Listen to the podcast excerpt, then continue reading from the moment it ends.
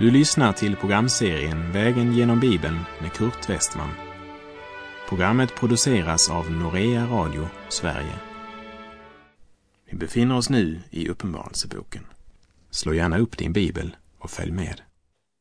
Vi befinner oss fortfarande i Uppenbarelsebokens 21 kapitel och avsnittet från kapitel 21, vers 22 till och med kapitel 22 och vers 5. Det beskriver för oss det nya livet där synden för alltid är borta. Vi läser Uppenbarelseboken 21, vers 22 till och med 27. Något tempel såg jag inte i staden, ty Herren Gud den allsmäktige och Lammet är dess tempel. Staden behöver inte ljus från sol eller måne, ty Guds härlighet lyser upp den och dess ljus är Lammet. Och folken skall vandra i dess ljus, och jordens kungar skall föra in sin härlighet i den. Stadens portar skall aldrig stängas om dagen, natt skall inte finnas där och folkens härlighet och ära ska föras in i staden. Aldrig någonsin skall något orent komma in i den och inte heller någon som handlar skändligt och lögnaktigt utan endast det som är skrivna i Livets bok som tillhör Lammet. Nu har Lammet och Lammets brud blivit ett. Här finns inte längre något tempel eftersom Jesus fyller allt i alla. Solen och månen som Gud hade skapat för att utmärka särskilda tider, dagar och år behövs inte längre eftersom tiden har upphört och det har åter blivit evighet. Och solen behövs inte heller som ljuskälla, ty Guds härlighet lyser upp staden och dess ljus är lammet. I Johannes 8, vers 12 säger Jesus, Jag är världens ljus. Den som följer mig ska inte vandra i mörkret utan ha livets ljus. Och i Johannes evangeliet 11, vers 25 säger han Jag är uppståndelsen och livet. Den som tror på mig ska leva om han än dör. När det står att staden behöver inte ljus från sol eller måne så talar det inte bara om himlakropparna men det talar om allt som ger människorna andlig upplysning. Nu är människan befriad från allt famlande, undrande och frustration. Borta är allt som vilseleder, förför och bedrar. Lögnens ande är för evigt krossad och människan lever i den frihet och det ljus som Gud tilltänkt henne från skapelsens början. Guds barn, som på jorden ofta var trängda, rådvilla, förföljda, nerslagna, ständigt utlämnade åt döden för sin bekännelses skull. Och vad var det som fick bruden att hålla ut under så stora svårigheter och prövningar? Ja, Paulus han svarar så här i Andra Korinterbrevet 4, vers 16 till och med 18. Därför tappar vi inte modet, även om vår yttre människa bryts ner. Förnyas vår inre människa dag för dag. Ty vår nöd, som varar ett ögonblick och väger lätt, bereder åt oss på ett oändligt rikt sätt en härlighet som väger tungt och varar i evighet. Vi riktar inte blicken mot det synliga utan mot det osynliga, ty det synliga är förgängligt, men det osynliga är evigt. Men i Uppenbarelseboken 21 är målet nått Och när jag läser om det nya Jerusalem så kan jag inte annat än tänka på Paulus ord i Andra Timoteusbrevet 4, vers 7 och 8. Jag har kämpat den goda kampen. Jag har fullbordat loppet. Jag har bevarat tron. Nu ligger rättfärdighetens segerkrans i förvar åt mig. Den ska Herren, den rättfärdige domaren, ge åt mig på den dagen. Och inte bara åt mig, utan åt alla som älskar hans återkomst.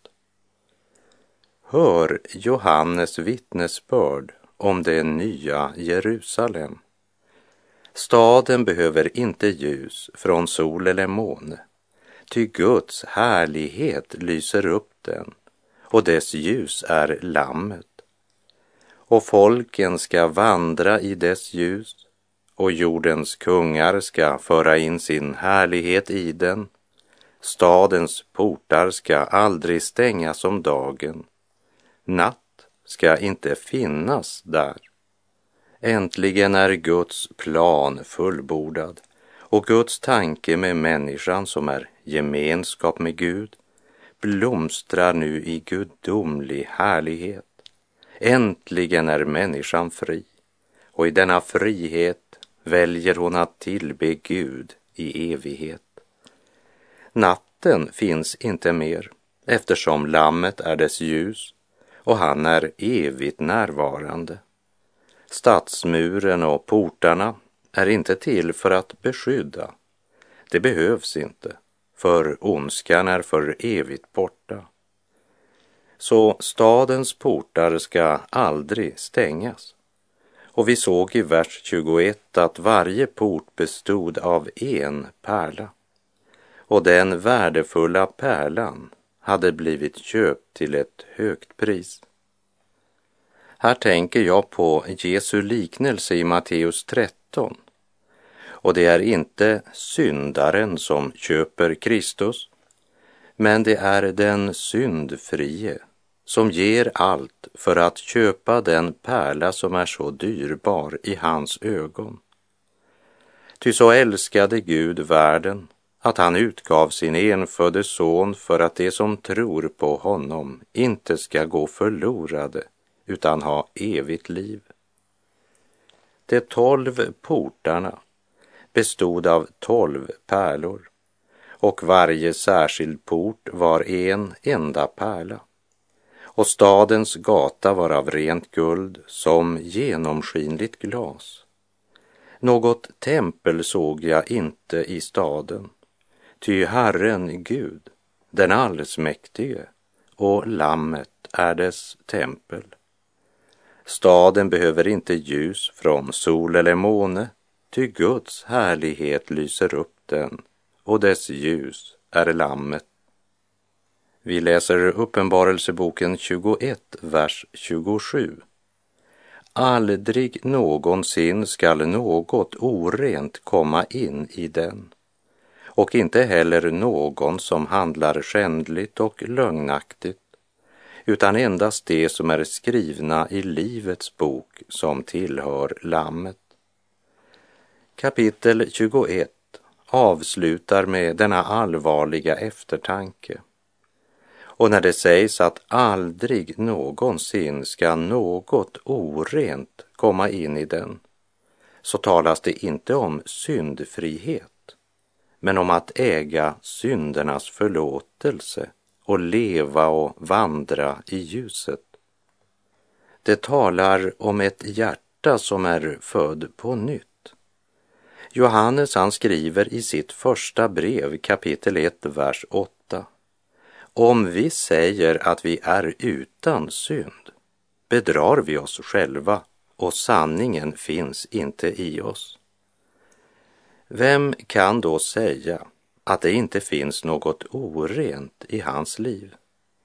Ja, det kan den som har bekänt sin synd för Gud, mottagit förlåtelse och vänt om från sina onda gärningar. Om vi bekänner våra synder är han trofast och rättfärdig så att han förlåter oss våra synder och renar oss från all orättfärdighet, skriver Johannes i sitt första brev kapitel 1, vers 9. Det rena, det är de som lever i syndernas förlåtelse och daglig förnyelse, i sann gudsfruktan och helgelse. Ett rent hjärta betyder alltså inte ett syndfritt hjärta, men ett hjärta som är helt med Herren, ett eh, odelat hjärta. Det som gör hjärtat rent, det är att de som tror på Jesus har tagit emot syndernas förlåtelse i kraft av Jesu blod. Renade från all orättfärdighet och de drivs av Guds ande. Romarbrevet 8.14 säger, ty alla som drivs av Guds ande är Guds barn. Och i Johannes evangeliet 15, vers 3 så säger Jesus till sina lärjungar, ni är redan nu rena i kraft av det ord som jag har talat till er. Men den som inte har tagit emot förlåtelsen och inte lever i tron på Kristus i sann Guds fruktan och helgelse kommer aldrig in i det nya Jerusalem. Aldrig ska något orent komma in där och inte heller någon som handlar skändligt eller lögnaktigt utan bara det som är skrivna i Livets bok som tillhör Lammet. Aposteln Johannes sa i sitt första brev kapitel 1 att den som säger att han är utan synd bedrar sig själv. Och i Galaterbrevet 6, vers 7 och 8 så varnar Paulus. Bedra inte er själva. Gud bedrar man inte. Det människan sår skall hon också skörda. Den som sår i sitt kötts åker skall av köttet skörda undergång. Men den som sår i andens åker skall av anden skörda evigt liv. Trons liv, det är ju inte bara en bekännelse av att vi håller det för sant att Gud har sänt sin son för att försona vår syndaskuld. Men det får konsekvenser på livets alla områden. Vi behöver stanna upp mitt i vår rastlösa, stressade vardag. Stanna upp och lyssna till vad Guds ord säger om det nya Jerusalem och om den eviga saligheten. För om Guds ord inte får korrigera oss så är det lätt att bedra sig själv. I Efeserbrevet 4, verserna 12 till och med 14 talar Paulus om att bygga upp Kristi kropp tills vi alla når fram till enheten i tron och i kunskapen om Guds son, till ett sådant mått av manlig mognad att vi blir helt uppfyllda av Kristus. Vi ska då inte längre vara barn som kastas hit och dit av vågorna och som förs bort av varje vindkast i läran när människorna bedriver sitt falska spel och i sin list förleder till villfarelse. Då kastas vi inte längre hit och dit av varje vindkast, skriver aposteln. Och det är viktigt i en tid som överflödar av människor som bedriver sitt falska spel och i sin list i Guds namn förleder andra till villfarelse. Ju bättre vi känner skriften och ju mer vi är förankrade och växer i tron på Guds son, desto mer kommer vi också att växa i inbördes enhet. Och inbördes enhet betyder inte likriktning, men det talar om att ha fördrag med varandra och förlåta varandra. Det talar om barmhärtighet, ödmjukhet och tålamod. Och det talar om att låta Kristi frid regera våra hjärtan och att inte vara partiska och att leva och vandra i ljuset. Låt uppenbarelsebokens allvarliga påminnelse bli något som väcker oss på nytt och vänder oss till vår Herre och Frälsare. Så Gud på nytt genom sin helige Ande får utgjuta sin kärlek i våra hjärtan. Låt oss leva i Guds fruktan och helgelse.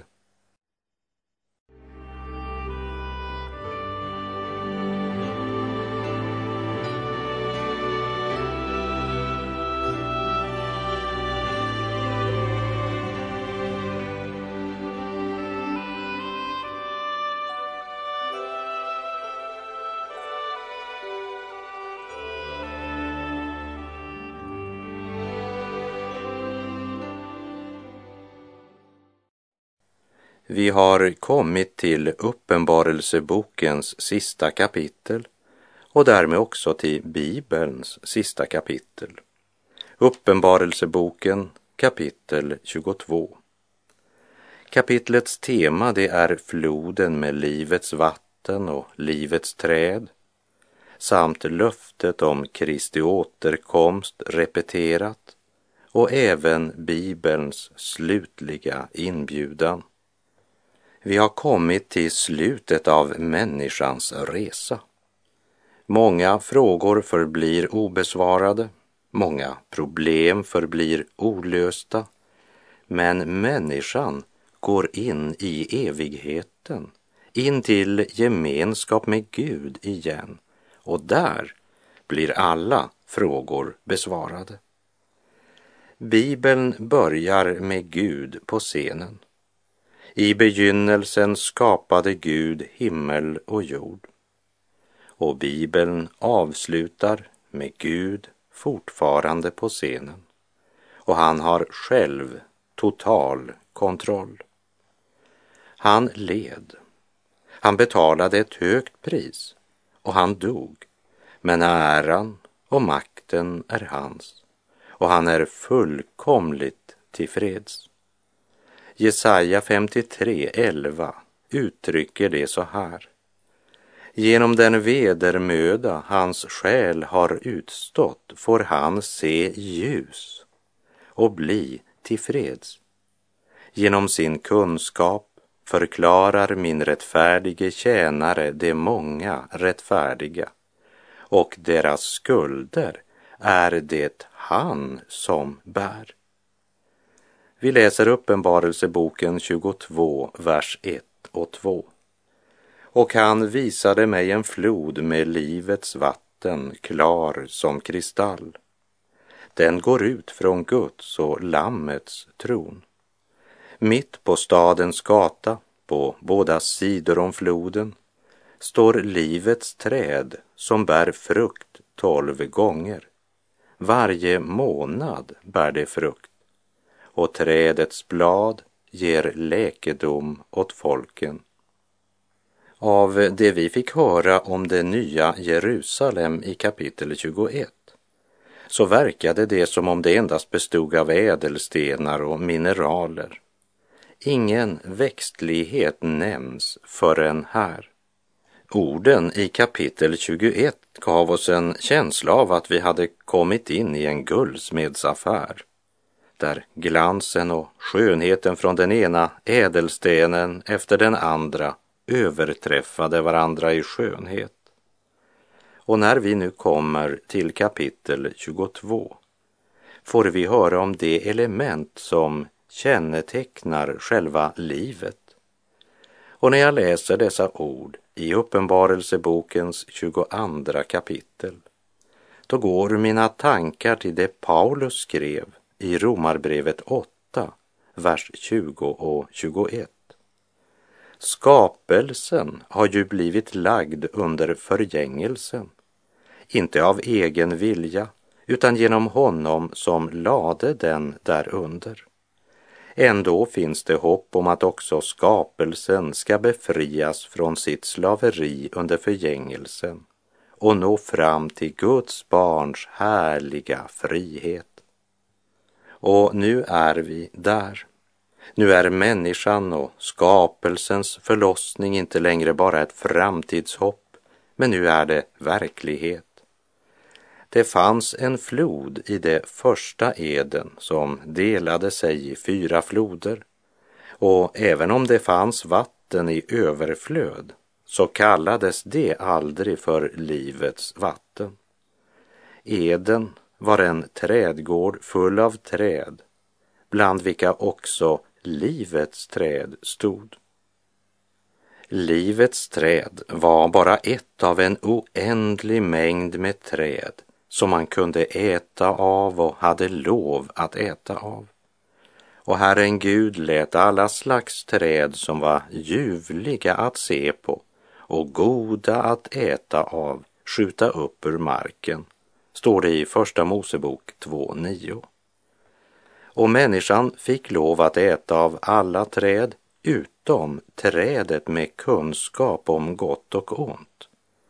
Jag citerar Första Mosebok 2, vers 16 och 17. Och Herren Gud gav mannen denna befallning. Du kan fritt äta av alla träd i lustgården, men av trädet med kunskap om gott och ont skall du inte äta. Ty den dag du äter av det skall du döden dö. Trädet till kunskap om gott och ont, det var ju bara ett av en oändlig mängd träd som var ljuvliga att se på, goda att äta av. Så människan behövde inte alls äta av detta träd. Men genom detta träd står människan fram med ansvar. Satan är en lögnare, ja, lögnens far. Men under sken av att vilja stadfästa vad Gud har sagt serverar han en dold lögn. Satan visste precis vad han gjorde. Lägg märke till det sätt på vilket han kommer. Han ställer kvinnan en fråga som ska få henne att tvivla på Guds ord, få henne att tvivla på Guds godhet. Satan är mycket listig. Har Gud verkligen sagt, säger Satan. Han sår alltså tvivel i hennes tanke och väcker hennes nyfikenhet. Både Adam och Eva lät sig bedras. De levde båda mitt i allt det goda som Gud hade skapat. En underbar tillvaro där allt, både växter och djur, sol och stjärnor vittnade om Guds godhet. Men Satan kom ju inte ärligt och öppet och sa jag är Guds fiende. Jag kommer för att baktala Gud och för att ödelägga dig. Ändå var det just det som var hans mål när han vill få människan att diskutera vad Gud har sagt istället för att göra som han har sagt. Satans mål är att förvränga vår gudsbild. Tänk om Eva hade svarat Gud har skapat mig Gud har skapat lustgården. Gud älskar mig och jag tror att Gud är god. Jag tror att Gud älskar mig och jag tror att han som har skapat mig vet vad som är bäst för mig. Därför tror jag inte att jag blir bättre eller lyckligare av att äta av det förbjudna trädet, men heller sämre. Jag tror det blir till skada. Jag tror att Gud är god och jag önskar visa Gud min kärlek genom att lyda hans befallning. Men både Adam och Eva lät sig bedras av Satan som bara kommer för att förföra, stjäla, slakta och döda. Och istället för att bli som Gud, vilket Satan hade lovat dem, så blir de utkörda ur lustgården Synden ger aldrig vad den lovar. Jag citerar Första Mosebok kapitel 3, vers 23 och 24. Och Herren Gud sände bort dem från Edens lustgård för att de skulle bruka jorden som det tagits från. Han drev ut människan och öster om Edens lustgård satte han keruberna och det flammande svärdets lågor för att bevaka vägen till livets träd. Satan hade inte sagt ett ord om syndens konsekvens. Han talade bara om hur ljuvligt den förbjudna frukten smakade. Genom att få människan att tvivla på Guds godhet lockades människan till synd. Människan gjorde ett val och människan hålls ansvarig för sitt val. Och konsekvensen blev att Gud stängde vägen till livets träd. Därmed kom också döden in i människosläkten. Och det är jag mycket tacksam för. Tänk om vi hade fått fortsätta att leva evigt i vår synd och ondska. För evigt utelämnade åt oss själva, vår egoism, vårt hat och vår ondska. I Första Mosebok stängs vägen till livets träd. I Uppenbarelseboken kapitel 22 möter vi en öppen väg när Gud låter Johannes se in i den framtid som väntar på alla dem som troget höll fast vid Guds ord och sitt vittnesbörd. Vi märker denna underbara, gudomliga vind från evighetens värld. När Johannes säger att han får se en flod med livets vatten, klar som kristall, som går ut från Guds och Lammets tron. Mitt på stadens gata på båda sidor om floden står livets träd som bär frukt tolv gånger. Varje månad bär det frukt och trädets blad ger läkedom åt folken. Ljusets stad är också livets stad, glädjens och fridens stad. Guds barns väg genom livet var allt annat än lätt, men Guds barns mål blir lik den början som Gud hade skapat innan syndafallet. Men med den skillnaden att nu är Satan, synden och ondskan för evigt utrotade. Att komma in i det nya Jerusalem är att komma hem. Och precis som i paradiset har människan nu tillgång till livets träd, för nu är syndens alla verkningar upphävda. Jag såg en flod med livets vatten klar som kristall, som går ut från Guds och Lammets tron. Mitt på stadens gata, på båda sidor om floden, står livets träd som bär frukt tolv gånger. Varje månad bär det frukt och trädets blad ger läkedom åt folken. Låt ordet läkedom stå som en överskrift över Uppenbarelsebokens 22 kapitel. Livets vatten, livets träd, läkedom. Och med det så är vår tid ute för den här gången. Herren välsigne dig och bevare dig. Herren låte sitt ansikte lysa över dig och vare dig nådig. Herren vände sitt ansikte till dig och give dig frid. Gud är god.